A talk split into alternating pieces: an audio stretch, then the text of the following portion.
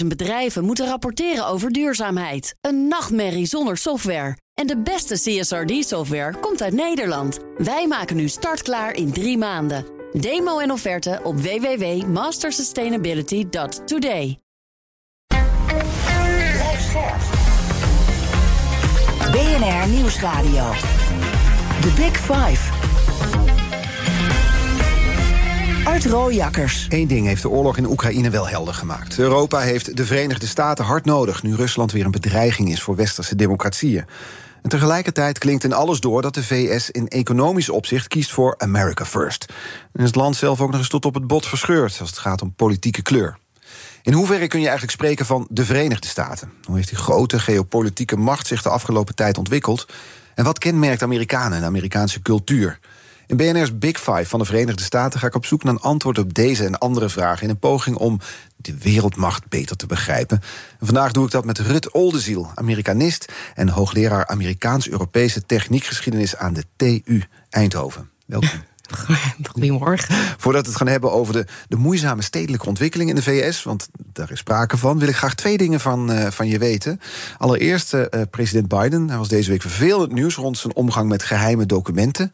FBI heeft intussen ook zijn vakantiehuis in de staat Delaware onderzocht. Het begint wel een schadelijke zaak te worden voor de president, hè? Nou, dat is zeker wat uh, de Republikeinen ervan proberen te maken. Maar er wordt tegelijkertijd ook door de FBI uh, de Republikeinse vicepresident Pence wordt ook onderzocht. Het is gewoon een beetje een janboel met uh, hoe dat gaat met overdracht met documenten.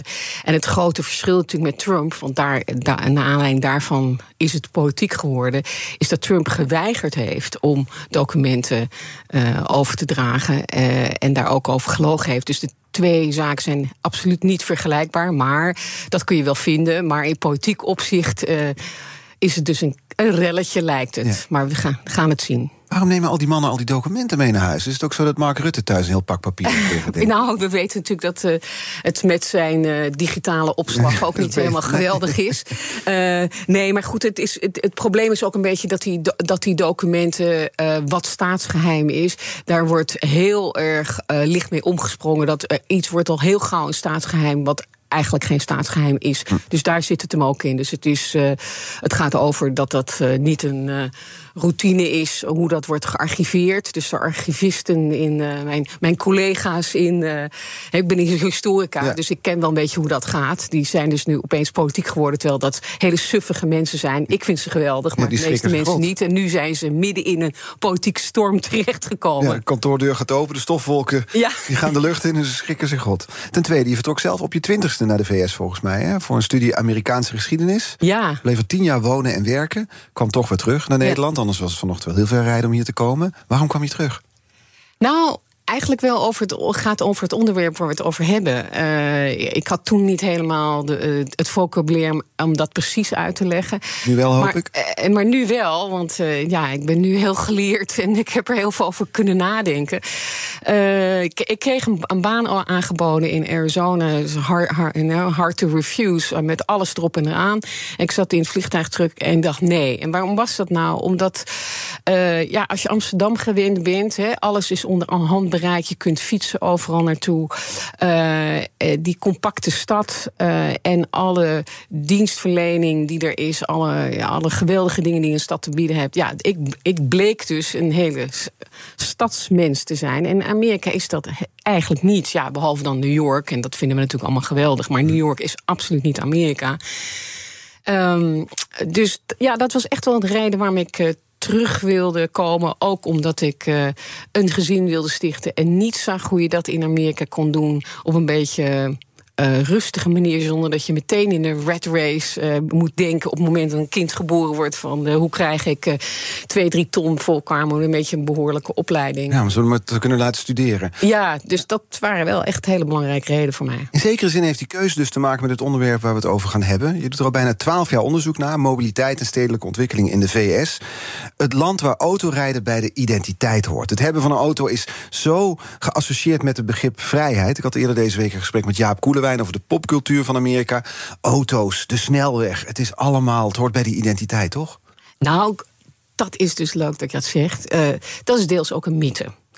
Uh, ja, zeker in de popcultuur sinds de jaren 50. Uh, al die uh, Route 66, je, je, kunt het niet. ja, elk lied gaat daar wel over. Over die vrijheid, on the road, de auto's. Maar in de jaren 20, 30 ging het over de trein. En als je naar de muziek luistert, dan hoor je altijd de puls van, van de trein. Mm -hmm. En dat is eigenlijk de puzzel van hoe kan een land wat vooraan stond in die industrialisatie 19e eeuw, hè, met die, dat treinnetwerk, uh, dat was de eh, expansie van Amerika. Zo is het Westen veroverd, zo is ook de oorlog gestreden tussen Noord en Zuid. Wat is daarmee gebeurd? Nou, dan zie je dus in de jaren 50 een enorme breuk. Dus aan de ene kant, dat netwerk lag er. En dan zie je dat. Um, het voornamelijk gebruikt wordt voor het vervoer van goederen en niet meer voor passagiers. En dat de ja, deels de auto-industrie en een aantal hele belangrijke wetgeving ervoor heeft gezorgd dat Amerika een verbonden werd via een autowegensysteem. Dat is begonnen met Eisenhower. Dat, dat bouwprogramma heeft geduurd tot 1992. En, uh, ja, dat, Decennia lang werd er gebouwd een snelweg. Ja, en dat, dat heeft 114 miljard gekocht, uh, kost uiteindelijk. Maar wat je daarvan uh, leert, als je dus door die lange termijn lens kijkt, is dat er politieke beslissingen aan ten grondslag liggen. Het is niet zo dat Amerikanen geboren worden met een auto-DNA. Inmiddels wel misschien na al die tientallen jaren. Sorry? Inmiddels wel misschien na al die tientallen nou, jaren. Precies. Dat daarop is ingezet. Kijk, dat, dat is het idee is volgens mij ook als je geen auto hebt, ben je een arme sloeber ja. in Amerika. En op dit moment is het nou inderdaad zo: als je geen auto hebt, dan kun, kun je eigenlijk niet vooruit. Uh, als je met de bus gaat, ben je zwart, want daar komt het eigenlijk op neer. En als je met de fiets, op de fiets gaat, ben je waarschijnlijk een, een, uh, uh, een onmogelijke juppie die democratisch stemt. En, Misschien nog wel het allerergste bedoel je? Het allerergste ja, dat je maar kan Het laagste van het laagste. laagste, van het laagste. Ja, nee, dat zijn natuurlijk de clichés, maar ik ben historica en ik ben dus heel erg geïnteresseerd hoe komen dat soort dingen tot stand. En dan zie je dat het uh, met een aantal dingen te maken heeft met die politieke beslissingen. Um, ook de manier waarop steden zijn ingericht. Hè. Uh, Amerikaanse steden in 19e, of de, vanaf 17, 18, 19e eeuw waren eigenlijk planmatig, een beetje op de Europese manier. Je denkt aan DC, het kapitool, hoe dat ingericht is. Denk maar aan de grid, het raster van ja, New York, uh, Philadelphia. Uh, ook New Orleans, ja. de French Quarter. Kaarsrechte avenues en straten die ja, elkaar maar kruisen. daar zit een plan Dat is een plan. En dat is eigenlijk gebaseerd op een compacte stad. En als je kijkt naar mobiliteit, is dat gebaseerd op waar gaan de tramlijnen. Maar niet de auto. Nee. En dan in de 20e eeuw krijg je de ongeplande stad. Dat wil zeggen, hij is wel gepland rondom auto's. En dat heeft de beroemde wildgroen, de sprawl, hè, wordt dat in de literatuur uh, uh, gezien, dat de suburbanisatie rondom de auto's. Die steden die maar uitdijen en uitdijen. En, en, mensen die buitenwijken gaan opzoeken. Ja. Met een, hè, daar een fijn huis hebben met een grote tuin eromheen. Precies. En zo dan met de auto de binnenstad ja. bezoeken. En dat is het Amerika, laten we zeggen, hè, the American way. The American Dream misschien zelfs. Sorry? The American Dream misschien zelfs voor veel nou, mensen. Dat, en, maar maar uh, een collega van mij, Pieter Norton, heeft daar hele mooie boeken over geschreven.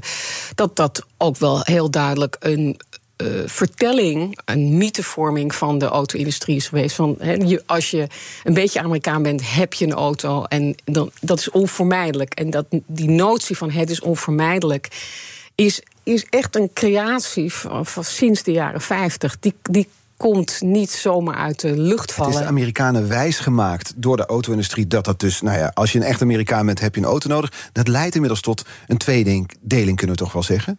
Amerikanen met en zonder auto? Nou, dat is zeker zo. Maar de meeste mensen die, uh, die zelfs die uh, kritiek hebben op auto, automobiliteit, hebben een auto. Omdat je in Amerika anders niet vooruit kunt, letterlijk en figuurlijk.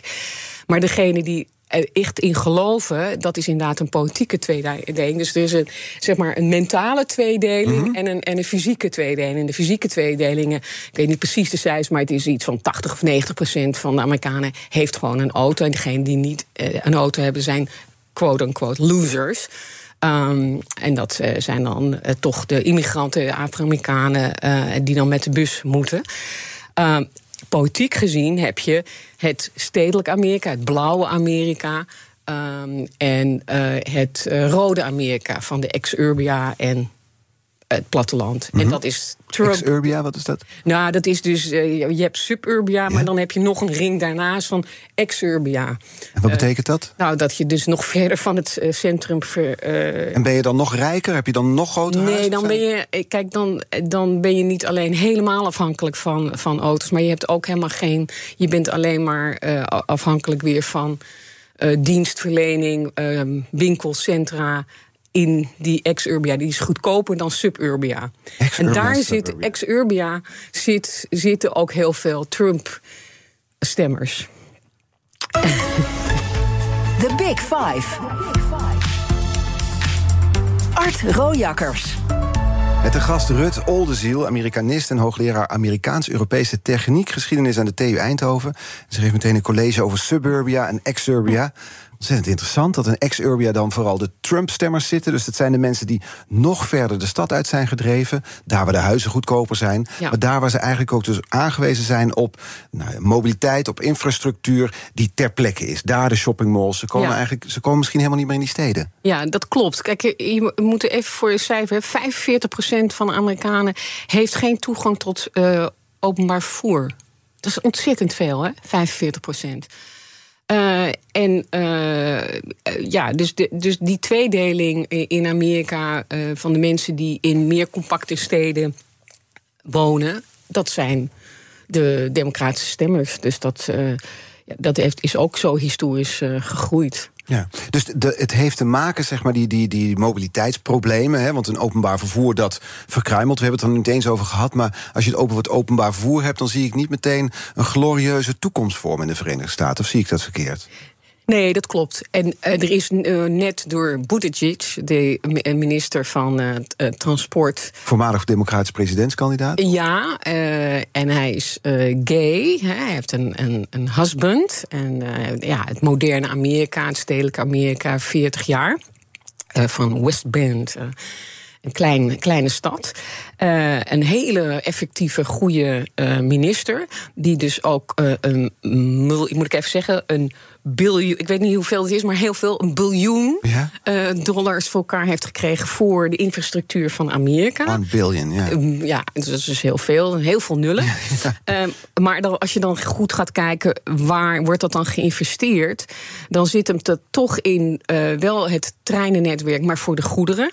En als je kijkt naar de stedelijke ontwikkeling voor eh, het, het openbaar vervoer, dan zit het voornaamste dan weer in de bruggen, de wegen en niet in uh, het, het uh, materieel. Ja, want gisteren was econoom Helene Mees hier ja. te gast. En toen kwam de slechte staat van de infrastructuur in de VS ook al even te sprake. In sommige gebieden is het echt dramatisch gesteld met het onderhoud aan bruggen, aan wegen. Noem maar op, toch? Ja, nee, kijk, je moet je voorstellen. Ik weet de eerste keer dat ik naar Amerika kwam, JFK, dan kom je aan en dan zie je de Tappan Zee Bridge. Dat is zo'n hele majestueuze, geweldige bridge over, uh, over dat hele uh, gebied, dat moerasgebied. Nou, fantastisch. Het is echt zoals je Amerika voorstelt.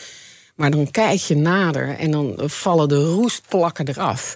En dat, uh, en, en, en dat is dan de toegangspoort tot New York? Tot New York en, en de Bronx rijden dan doorheen. En het was helemaal dichtgespijkerd. Nou, ik, ik begreep er niets van. En ik denk wel dat die reis, mijn fascinatie met Amerika is... Van hoe, is het, hoe is het beeld van ons als Amerika als supermacht, militaire macht...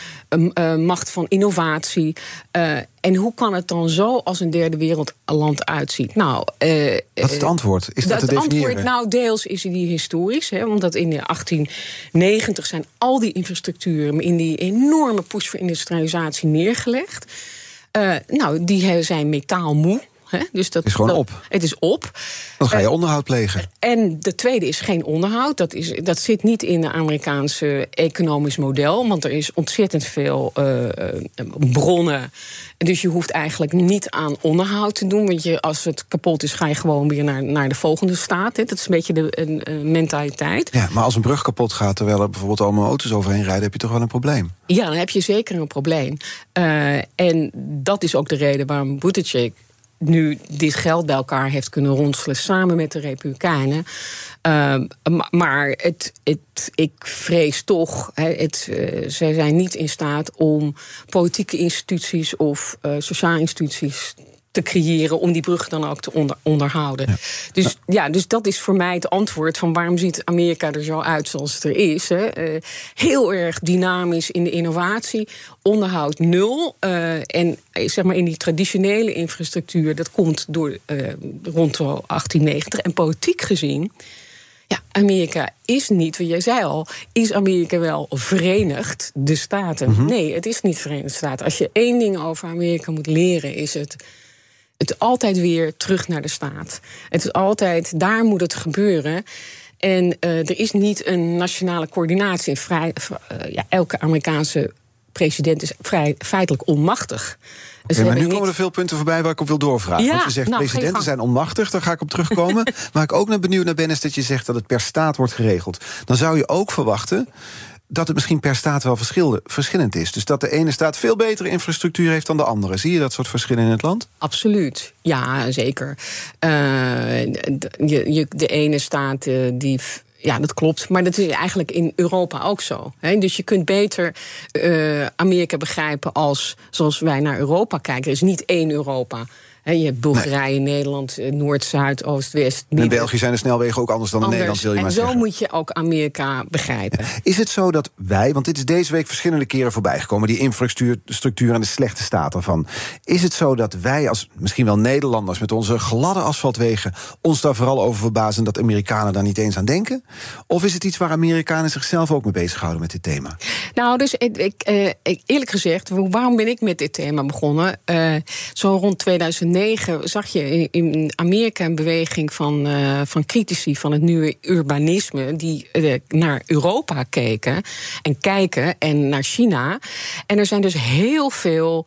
Uh, ja, heel, heel veel studiereizen georganiseerd. Met name ook door de Amerikaanse fietsindustrie in uh, Colorado. Ja, die kwamen dan hier kijken. En die kwamen hier kijken. En onze Piet, Mayor Piet, dus van Buttigieg, kwam naar Amsterdam. En uh, heel leuk, er werd hem gevraagd... wat heb je nou eigenlijk geleerd van Amsterdam? Nou, Coffeeshops.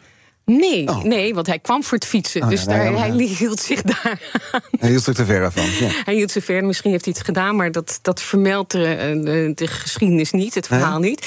Maar hij had, heeft drie dingen geleerd van, uh, van Amsterdam. Uh, ten eerste, ja, dat zou je zeggen, hallo. Uh, mm-hmm. dat het ontwerpen van de straat, hoe dat eruit ziet, dat, dat heel bepalend is van hoe het gebruikt wordt. Nou, hè, dat, je, dat je dus infrastructuur moet hebben. Ja, lijkt me een open deur. Ja, maar niet voor een Amerikaan. Als je wel eens geprobeerd hebt om te lopen op een weg.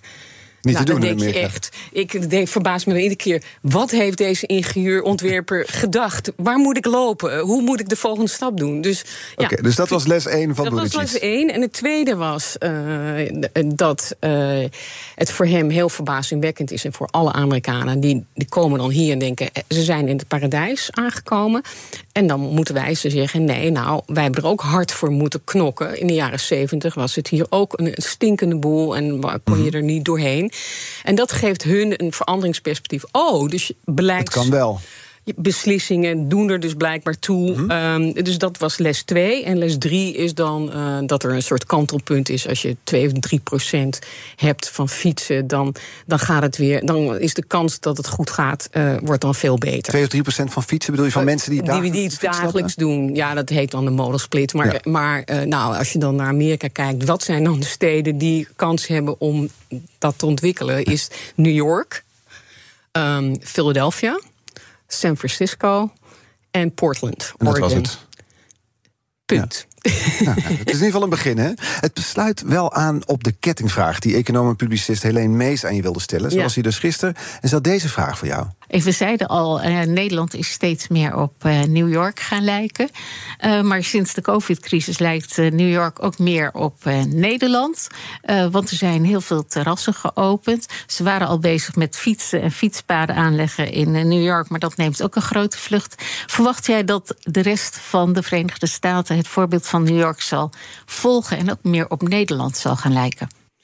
Nou ja, dat is. Uh, kijk, wat, wat maakt. Uh, wat zijn de factoren dat een stad een fietsstad kan worden zoals Nederland, dat heeft te maken hoe compact het is. Mhm. In plaats van die wildgoed in sub- gesuburbaniseerde stad. Nou, en dan komen New York, Philadelphia en San Francisco als de. Portland, ja. een Portland en misschien New Orleans zou ook nog kunnen. Eh, Chicago, eh, daar, dat kan ook. Eh, daarna wordt het wel veel moeilijker. Dan moet je andere maatregelen nemen. Nou, en dan krijg je een heel taai dossier. Want het gaat niet alleen maar over een beetje eh, fietspaden aanleggen... maar dat je je steden anders gaat inrichten. Nou, en die stedelijke planning... Dat zit niet in het politieke dossier eigenlijk van, van Amerika. Dat is heel erg lastig. En ja, ik, eh, om even een voorbeeld te nemen, New Haven, waar ik gewoond heb. Waar ligt en, dat? En dat is in eh, Connecticut. En ehm, daar woon ik aan de rand van, omdat de huur dan net eh, betaalbaar was. De, hè, bij, waar, waar het dan eh, vrij hopeloos was en een, iets waar je nog een beetje kon lopen. En het, je kon het politieke cyclus precies zien. Dus de tijden van Reagan stapte je over de daklozen heen. En dan kwam eh, de volgende president Clinton. En dan was er weer lokaal initiatief. En dat blok waar ik woonde was opeens weer. Er gingen de huren heel erg omhoog. En, en zo zie je eigenlijk die steden. Want je ziet eigenlijk direct een politieke invloed Ja. op dat wat je in je eigen straat zag Absoluut, gebeuren. Absoluut. Ja, dat vind ik. eh, dus er is echt geen langetermijn planning. Nee. En dat terwijl er dus een president, zoals je net zei, eigenlijk geen macht heeft in Amerika. Dat is een interessante paradox, waar we straks Nou, over komen te spreken. precies. Want hoe kan het dat de president geen macht heeft, maar dat je toch in je eigen straat ziet? We gaan het er zo over hebben. Goeie vraag. Maandag is Europa- Europa-correspondent Stefan de Vries trouwens de gast bij mijn collega Diana Matroos in een nieuwe Big Five Week. Wake, Week, hier begin Amerikaans te doen, rondom het draagvlak voor de oorlog in Oekraïne. Abonneer je op onze podcast via je favoriete podcastkanaal om geen aflevering te missen. En straks dan spreek ik verder met Amerikanist Rut Oldenziel over de infrastructuurplannen van president Biden en over of die president nou iets te zeggen heeft of niet. Blijf luisteren. 50.000 bedrijven moeten rapporteren over duurzaamheid. Een nachtmerrie zonder software. En de beste CSRD-software komt uit Nederland. Wij maken nu startklaar in drie maanden. Demo en offerte op www.mastersustainability.today. Zoekt u een bijzondere reis naar Amerika of Canada? Unieke accommodaties, ongerepte natuur en een uitgekiende reisroute. En natuurlijk op maat gemaakt naar uw wensen. Klinkt bekend? Little America is de zus van Travel Essence. Met eigen team van reisspecialisten, maar dezelfde focus op kleinschalige reizen met hoogwaardige kwaliteit. Kijk op littleamerica.nl.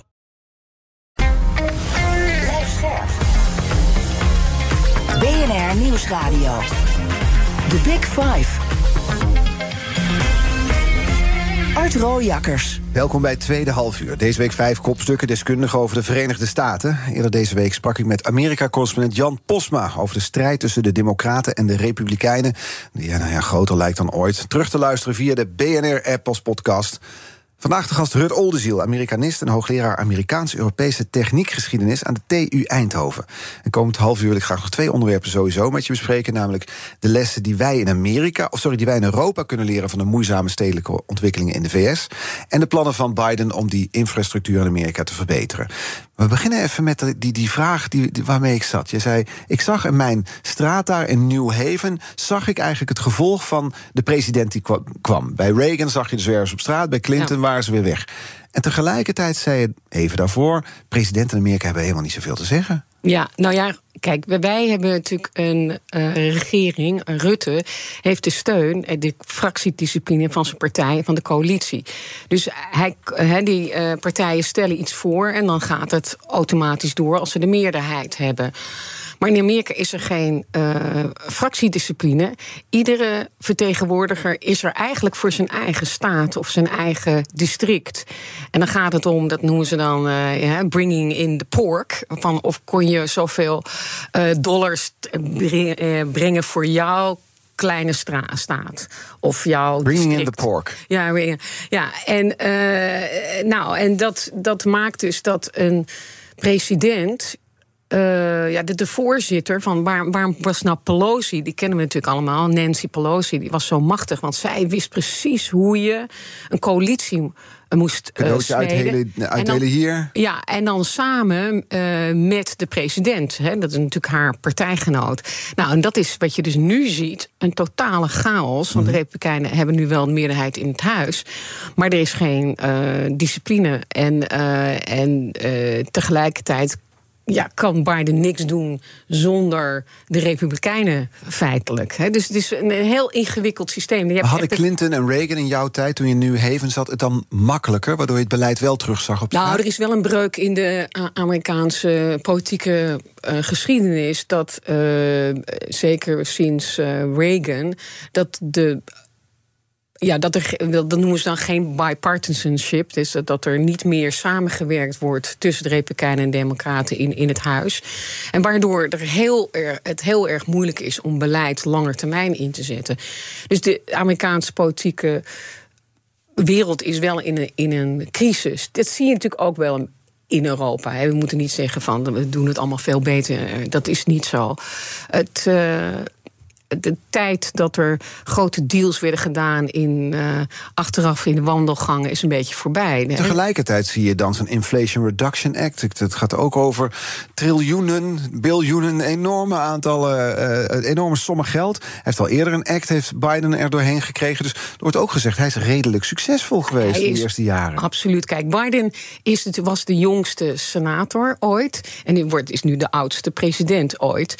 Uh, hij zit al zo lang in dat politieke systeem en weet hoe die deals moet maken en hij weet hoe die, hoe die moet masseren. Dus wat dat betreft hebben de Democraten een hele goede aan hem. Veel beter dan zowel Trump de, eh, als, als Obama wisten eigenlijk helemaal niets van hoe dat politieke systeem werkt. En dat wist Biden wel door die, weet Biden wel door die ervaring? Ja, en hij praat er ook niet over. Dus hij doet alles achter de schermen. Dus wij hebben allemaal het idee van wat doet die oude man daar eigenlijk? Maar ondertussen is hij meer succesvol dan bijvoorbeeld. Uh, nou, eigenlijk heel veel presidenten. En wordt hij al vergeleken met Johnson, die ook heel erg belangrijk. Uh, in die orde van grootte wordt over hem gedacht. Ja. Even, we gaan het zo hebben over de Infrastructure Investment and Jobs Act. Toen kwam zo spectaculair. De Amerikaanse Inflation Reduction Act. Maar als jij dan zegt over Biden, we hebben het idee dat hij niet zoveel doet, maar hij doet het allemaal achter schermen. Even een zijstep. Wat ze wel altijd doen, is naast een helikopter een interview geven, valt me op een president. Dus ze zijn dan op weg naar iets. Hij heeft al niet zo'n harde stem. En dan wordt er gevraagd: Mr. President, gaat u deze wapens leveren aan Oekraïne? En dan hoor je alleen maar die helikopter al wieken. Ja, ja, ja. Daar een historische verklaring voor? Komt het krachtdadig over? Of zo? Nee, nee. Let er maar eens op. Ik, fascineert me altijd. Maar goed, die Amerikaanse Inflation Reduction Act. Dus enorme aantallen geld. Daar wil je de industrie in Amerika mee opkrikken, Biden. In 2021 ondertekende hij de Infrastructure Investment and Jobs Act. Wat was het ook weer? 1,2 biljoen dollar. Ja. ja. Waar, waar, was dat dan allemaal voor? Ja, dat is dan. Uh, jobs is natuurlijk hier wel een heel belangrijk uh, sleutelwoord. Want het gaat dan in die. Uh, treininfrastructuur, dus de goederenvervoer en de vakbonden die daaraan uh, zitten. Nou, dat, dat is wel ook de achterban probeert uh, Biden aan zich te binden. Uh, dat zijn ook de vakbonden die misschien richting Republikeinen gaan. Dus dat is ook een politieke zet. Dus hij, hij manoeuvreert daar heel erg goed in. Maar als je kijkt naar wat voor effect heeft dat nou voor mensen in steden, worden zij er nou beter? Op, ja, nee, dan is het toch een, uh, zou ik zeggen, dat ligt wel veel genuanceerder. Maar het is, het is een enorme som geld. Dan zou je denken dat het toch effect moet hebben. Ja, het heeft effect. Nee, het heeft zeker effect. En ik denk ook, het is ook absoluut noodzakelijk. Omdat de hele boel in elkaar dondert. Uh, en het is Die bruggen waar we het al over hadden, de infrastructuur, de wegen, de, de, de gaten erin. Ja, en het is natuurlijk ook een, uh, economische machine, dat goederenvervoer. Dus uh, dat is heel erg belangrijk. Maar gaan we dan kijken naar het openbaar vervoer voor mensen in de steden? Ja, dan, dan ligt het heel erg aan de slagkracht, lokaal. Van kunnen ze dat matchen? Want dat is natuurlijk, al die programma's zijn allemaal matchingsprogramma's. Dus de federale overheid komt met wat, een zak geld, maar dan moet lokaal ook dat zak geld komen.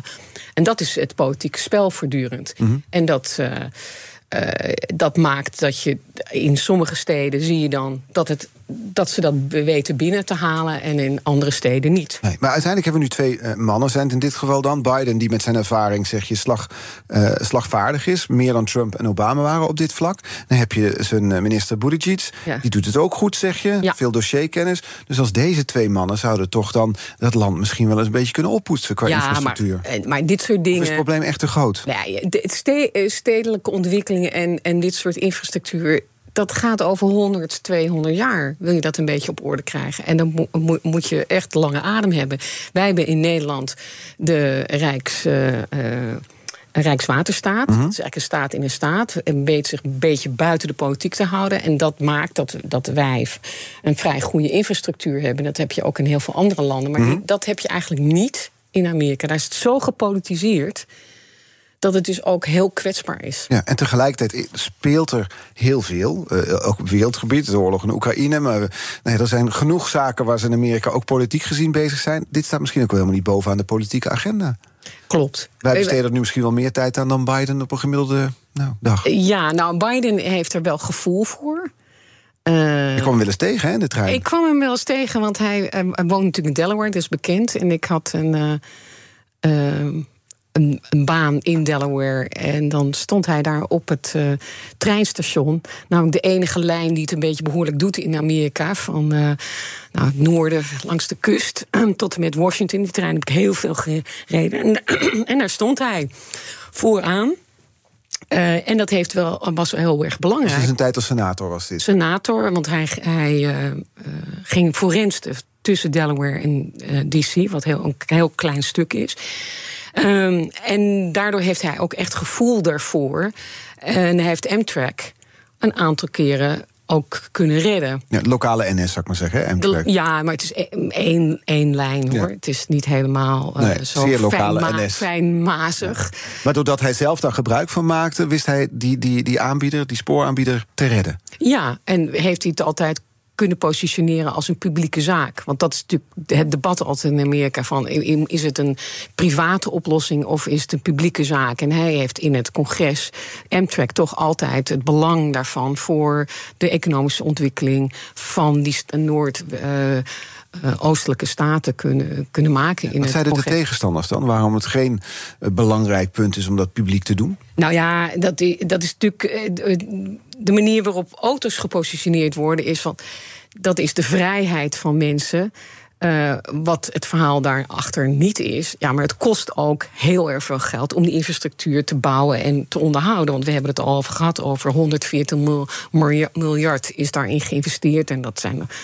Dus dat is het idee van uh, de Amerikaanse laissez-faire.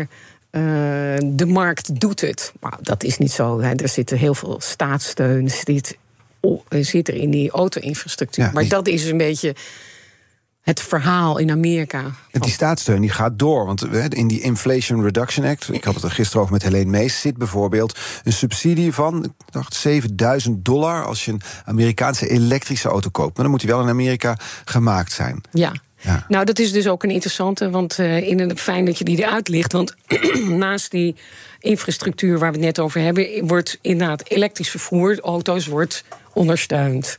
Kan je je afvragen hoe duurzaam dat is? Hè? Als je denkt aan de metalen en dergelijke en aan het landgebruik. Maar ja, ik moet eventjes mijn uh, Wat water keel, drinken, ja, je begint... Ik herken het hoor, ik heb stemproblemen gehad... dus dan ben ik er meteen alert op. Ja. ja. Uh, dus dat wordt gestimuleerd en wel om het volgende met Obama, als we even herinneren 2008, toen we die financiële crisis hadden, toen lag de auto-industrie in Amerika op zijn gat. gat. En toen heeft Obama gezegd: Oké, ik wil jullie wel redden met staatssteun, maar. Wel verduurzamen, toch? Wel verduurzamen. Nou, en dat is toen uh, ingezet. Want als ik aan Amerikaanse auto's denk, dan die rijden allemaal één op twee ongeveer. Je zit er wel heel ruim in. Ze hebben ontzettend zachte vering, maar ze zijn niet echt groen. Nee. Maar dat, daar is in 2008 is, uh, wel een trendbreuk en is er dus wel in geïnvesteerd. En de auto-industrie op dit moment in Amerika is eigenlijk wel aan het vergroenen, want die willen liever een stabiele politiek mandaat van ja, we gaan vergroenen, want dan kunnen ze investeren. Dus ik heb eigenlijk gezien tijdens de Trump-jaren dat zij heel erg ongeduldig waren met Trump en uh, de politiek, omdat ze ingezet hadden op innovatie van elektrisch vervoer. Mm -hmm. uh, en dat pakt Biden en Buttigieg Pakken ze nu uit? op en uit. Ja. Ja. Want het idee dat Amerikanen eh, snel overstappen naar meer openbaar vervoer. Of dat, dat die kloof tussen mensen die eh, en ex-Serbia, zoals je zegt, waar de Trump-stemmers zitten of de Republikeinse stemmers zitten. En die binnenstadbewoners die op een fiets zitten met hun eh, frappuccino's en zo, dat die gedicht gaat worden. Dat is niet iets wat we binnen nu een enkele jaren gaan zien. Nee, maar tegelijkertijd denk ik dat Buttigieg wel ook het nieuwe Amerika vertegenwoordigt. En het Hij nieuwe is Amerika openlijk- is dan? Nou ja, hij is, hij is o- openlijk eh, gay en, en hij is jonger. En voor hem is het niet eh, politiek lastig om op een fiets eh, te zitten en gefotografeerd te worden. Dat was een heel ding met eh, Obama in 2000 2008 toen hij verkozen werd. Toen had de fietsindustrie een foto-opportunity met hem met een, op een fiets met een helm. Nou, dat was. de, het, was het huis was te klein jaar daarvoor. Nee, dat is natuurlijk niet. Met die jonge generatie. En kijk, ik heb heel veel mensen, Amerikanen, die bij mij willen studeren. Eh, en die komen naar Nederland om het Nederlands fietsen te bestuderen. Dat is echt een hele generatie komen van heinde en ver. Het is niet aan te slepen. 50.000 bedrijven moeten rapporteren over duurzaamheid. Een nachtmerrie zonder software. En de beste CSRD-software komt uit Nederland. Wij maken nu startklaar in drie maanden. Demo en offerte op www.mastersustainability.today. Zoekt u een bijzondere reis naar Amerika of Canada? Unieke accommodaties, ongerepte natuur en een uitgekiende reisroute. En natuurlijk op maat gemaakt naar uw wensen. Klinkt bekend? Little America is de zus van Travel Essence. Met eigen team van reisspecialisten, maar dezelfde focus op kleinschalige reizen met hoogwaardige kwaliteit. Kijk op littleamerica.nl. BNR Nieuwsradio. The Big Five. Art Rojakkers.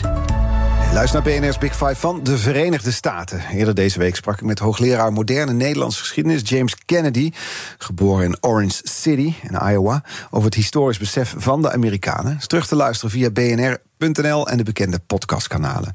Vandaag de gast Rut Oldenziel, Amerikanist en hoogleraar Amerikaans-Europese techniekgeschiedenis aan de TU Eindhoven.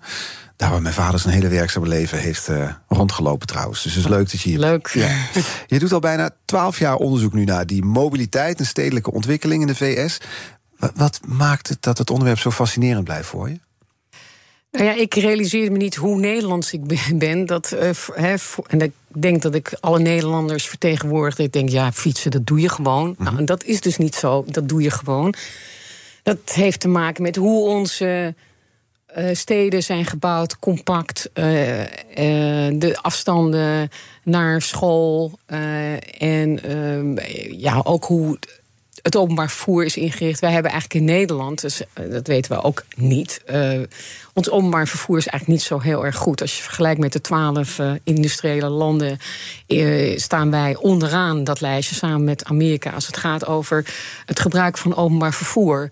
Eh, dat komt deels omdat wij fietsen. Hè? eh, maar wij zijn ook heel erg een autoland. Dus dat, eh, nou, dat vind ik dus fascinerend. Zijn wij heel erg een autoland? Wij zijn heel erg een autoland. Ja, als je kijkt naar hoeveel kilometers wij met elkaar maken dan, dan, en ons wegensysteem. Wij zijn een fietsland, een autoland ehm, en een treinland, maar geen tram of loop, lopen. Als je kijkt naar, wij lopen nauwelijks, wij fietsen. Eh, en als je bijvoorbeeld Parijs kijkt, dat is echt een metrostad en een loopstad. Eh, en Amerika is voornamelijk een autostad. Je kunt er niet lopen, je kunt er niet fietsen. En er is alleen maar openbaar vervoer in een aantal oudere, oudere steden. Is er wat dat betreft voor ons iets te leren hier in Europa of in Nederland... als we kijken naar de geschiedenis van die stedelijke ontwikkeling in de VS? Nou, het grappige is dat in de jaren 50 onze stedelijke eh, ontwikkelaars keken naar Amerika en zeiden: Ah, dat niet. Dus de randstad is heel erg ontwikkeld tegen het Amerikaanse model in.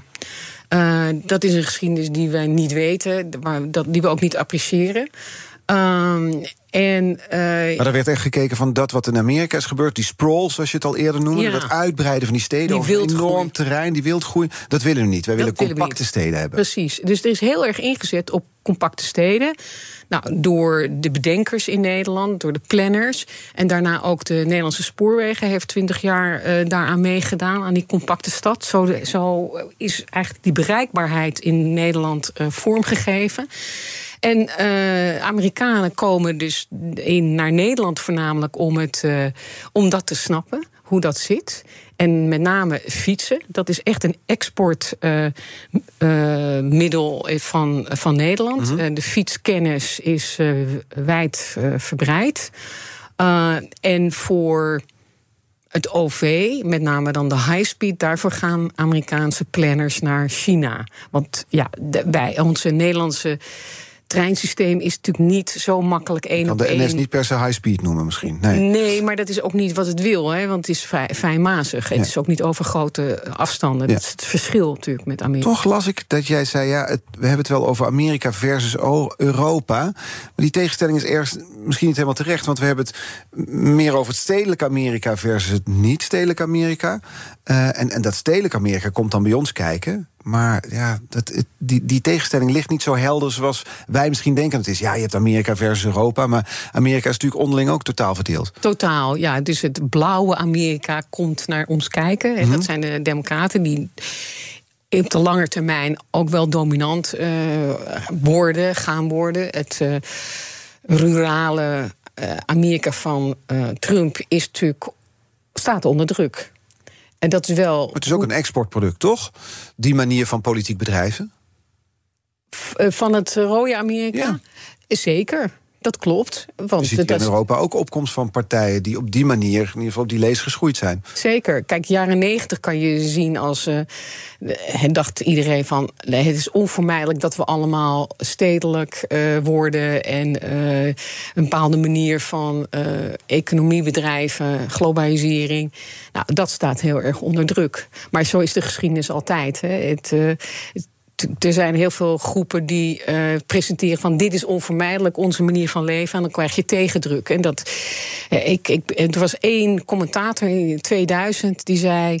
Ik zal het nooit vergeten. Die, eh, er werd gevraagd van wat, zijn de, wat zie je als de langetermijn trends? En toen zei hij, de komende 20, 30 jaar gaat Amerika door een enorme crisis. Want dan gaat het over het het, het stedelijke en niet-stedelijke Amerika. Eh, het gaat over het blanke Amerika en de multiculturele samenleving.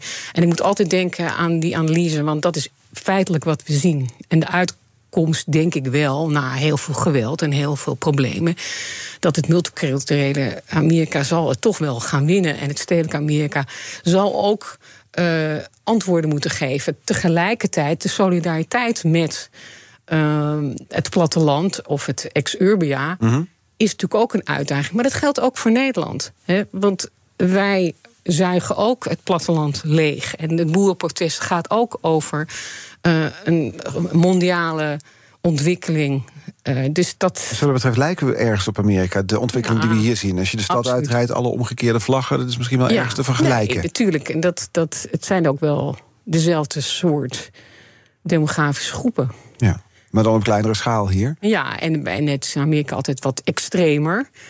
Um, ja, dat klopt. Maar is het dan zo dat we, uh, als je die vergelijking kan trekken... dat we dus ook iets kunnen leren van Amerika in die zin? Nou ja, ik denk dat we vooral niet uh, moeten denken... oh, het gaat ons niet overkomen wat er in Amerika gebeurt... en de druk van de democratie en de manier waarop met protesten wordt omgegaan. Nee, dat, dat geldt ook voor ons. Maar dat geldt ook op mijn favoriete onderwerp voor het fietsen. Wij ja. denken, dat doen we gewoon. Precies. Dat moeten wij ook onderhouden. En daarvan leer ik zoveel van mijn... Uh, voor mijn studenten uit Amerika, die met verbazing kijken hoe wij het doen, maar ook verbaasd zijn dat wij daar zo laconiek mee omgaan en daar eigenlijk niet in willen investeren. En daar snappen ze niets van. En hoe bedoel je dan laconiek mee omgaan? Nou, wij, wij denken dat dat gewoon doorgaat als wij er niet, als er geen beleid opgevoerd wordt. En uh, we hebben geen historisch besef hoe dat tot stand is gekomen. En dat dat eigenlijk een, iets heel moois is. En uh, nou, dat, dat leren ze mij eigenlijk. En ik heb, ben ook begonnen met dit onderwerp, omdat ik in New York was. Maar de, de New Yorkers die die het fietsen wil introduceren daar, die zei tegen Nederlanders, ik was daar met allemaal ingenieurs, en die zeiden: Hoe doen jullie dat toch? Vertel ons, wat is het recept? Uh, was het antwoord. Geen idee. Geen idee. En toen dacht ik, goh, hier zit wel een verhaal in. En toen ben ik daarin gaan duiken. En nou ja, de rest is history. Dus ik uh, heb nu, wat ik zei, een heleboel buitenlanders die komen studeren in Eindhoven. Een enorme onderzoeksgroep. Maar Nederlanders eigenlijk niet omdat het voor ons te vanzelfsprekend ja, is. Ja, we vinden het zo. Het is zo genormaliseerd. We begrijpen niet dat het bijzonder is en dat het een, een historisch product is. En dat je het ook moet onderhouden naar de toekomst toe. Wil je een duurzame samenleving zijn? Het is hier gezegd en het is hier genoteerd. uh, je mag een kettingvraag stellen. Volgende week dus een hele andere week hier in BNR's Big Five. Diana Matroos begint maandag aan een nieuwe Big Five over het draagvlak voor de oorlog in Oekraïne. Eerste gesprek is met Europa-correspondent Stefan de Vries. Wat zou je willen vragen? Nou, ik ben heel blij met deze vraag. Want ik ben uh, ook nog voorzitter van Take Care BNB, een organisatie voor, voor opvang van statushouders. We hebben met Oekraïners te maken. Dus deze vraag uh, houdt mij zeer bezig.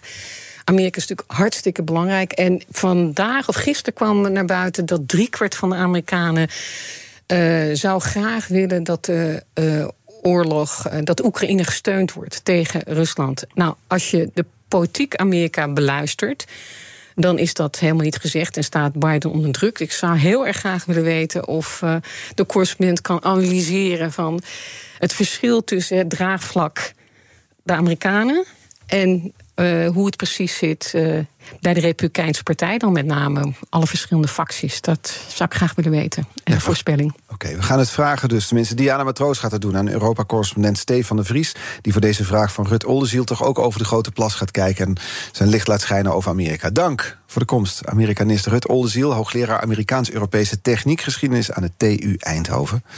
Alle afleveringen van BNR's Big Five zijn terug te luisteren. Je kunt je abonneren op onze podcast via onze app of je favoriete podcastkanaal. Hoef je geen aflevering te missen. Nu op deze zender Kees Dorrestein met BNR Breekt. Dag.